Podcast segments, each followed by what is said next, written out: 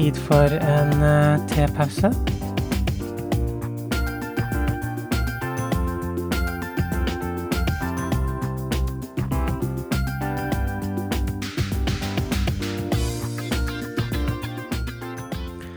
Hei og velkommen til en ny episode av Tid for uh, tepause.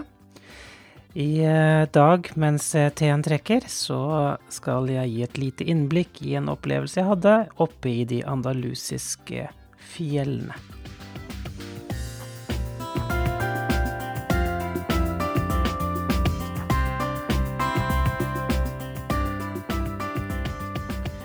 I de andalusiske fjellene i Sør-Spania popper de hvitmalte landsbyene opp som sopper i fjellsidene.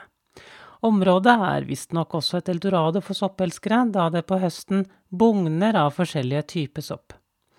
Jeg forestiller meg at geiter burde trives godt her, og små villsvin er visst også ganske vanlig å treffe på.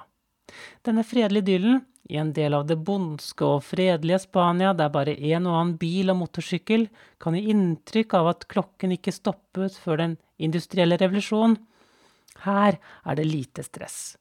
Folk går, og det å haste fra et sted til et annet virker fremmed. Likevel, en av disse landsbyene skiller seg ut fra de andre. Den er blå, malt opp av Sony Pictures i 2011 i forbindelse med lanseringen av en film med smurfene, og midlertidig deklarert som den første offisielle smurfebyen. Jeg kan eh, forestille meg at innbyggerne lurte på hva disse menneskene i Sony Pictures eh, tenkte på, for det måtte da være en merkelig idé å male husene i en annen farge enn hvit. Og ikke bare ett hus, men alle husene, hele landsbyen, ja, til og med kirken.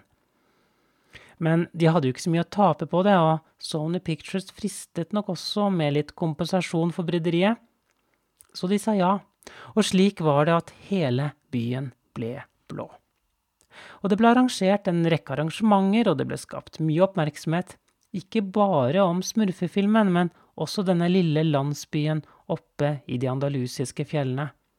Og plutselig var det ikke bare de 220 innbyggerne som var i byen, men gjerne også et dobbelt antall med turister i tillegg hver dag. Så da Sony Pictures var fornøyd og tilbød seg å male byen hvit igjen, så ble det avholdt en avstemning blant innbyggerne i byen. Og det må ha vært et merkelig skue når enkelte møtte opp for å stemme utkledd som sin favorittsmurf.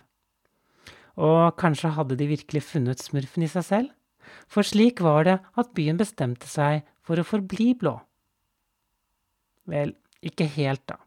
For av de titalls innbyggerne som stemte nei, har noen fått malt sine hus hvite igjen. Men fremdeles fremstår landsbyen som blå, og det er fremdeles smurfer over det meste av landsbyen. Men hvor mange hvite hus skal til før byen ikke lenger er blå, tenker jeg. For hvert nye hvite hus vil illusjonen miste sitt grep, og landsbyen vil bli likere sine andalusiske søsken, og det er ikke sikkert at en plastsmurf og der og noen soppformede kiosker vil overbevise om ikke landsbyen samtidig beholder sitt blålige preg. Så får det være at også smurfene er kjent for å elske sopp, og slik sett faktisk passer godt inn i det andalusiske landskapet. Men jeg undrer er den blå landsbyen en maske laget for å tekkes verden, slik at de husene som nå er blitt hvite igjen, er bare masken som faller av?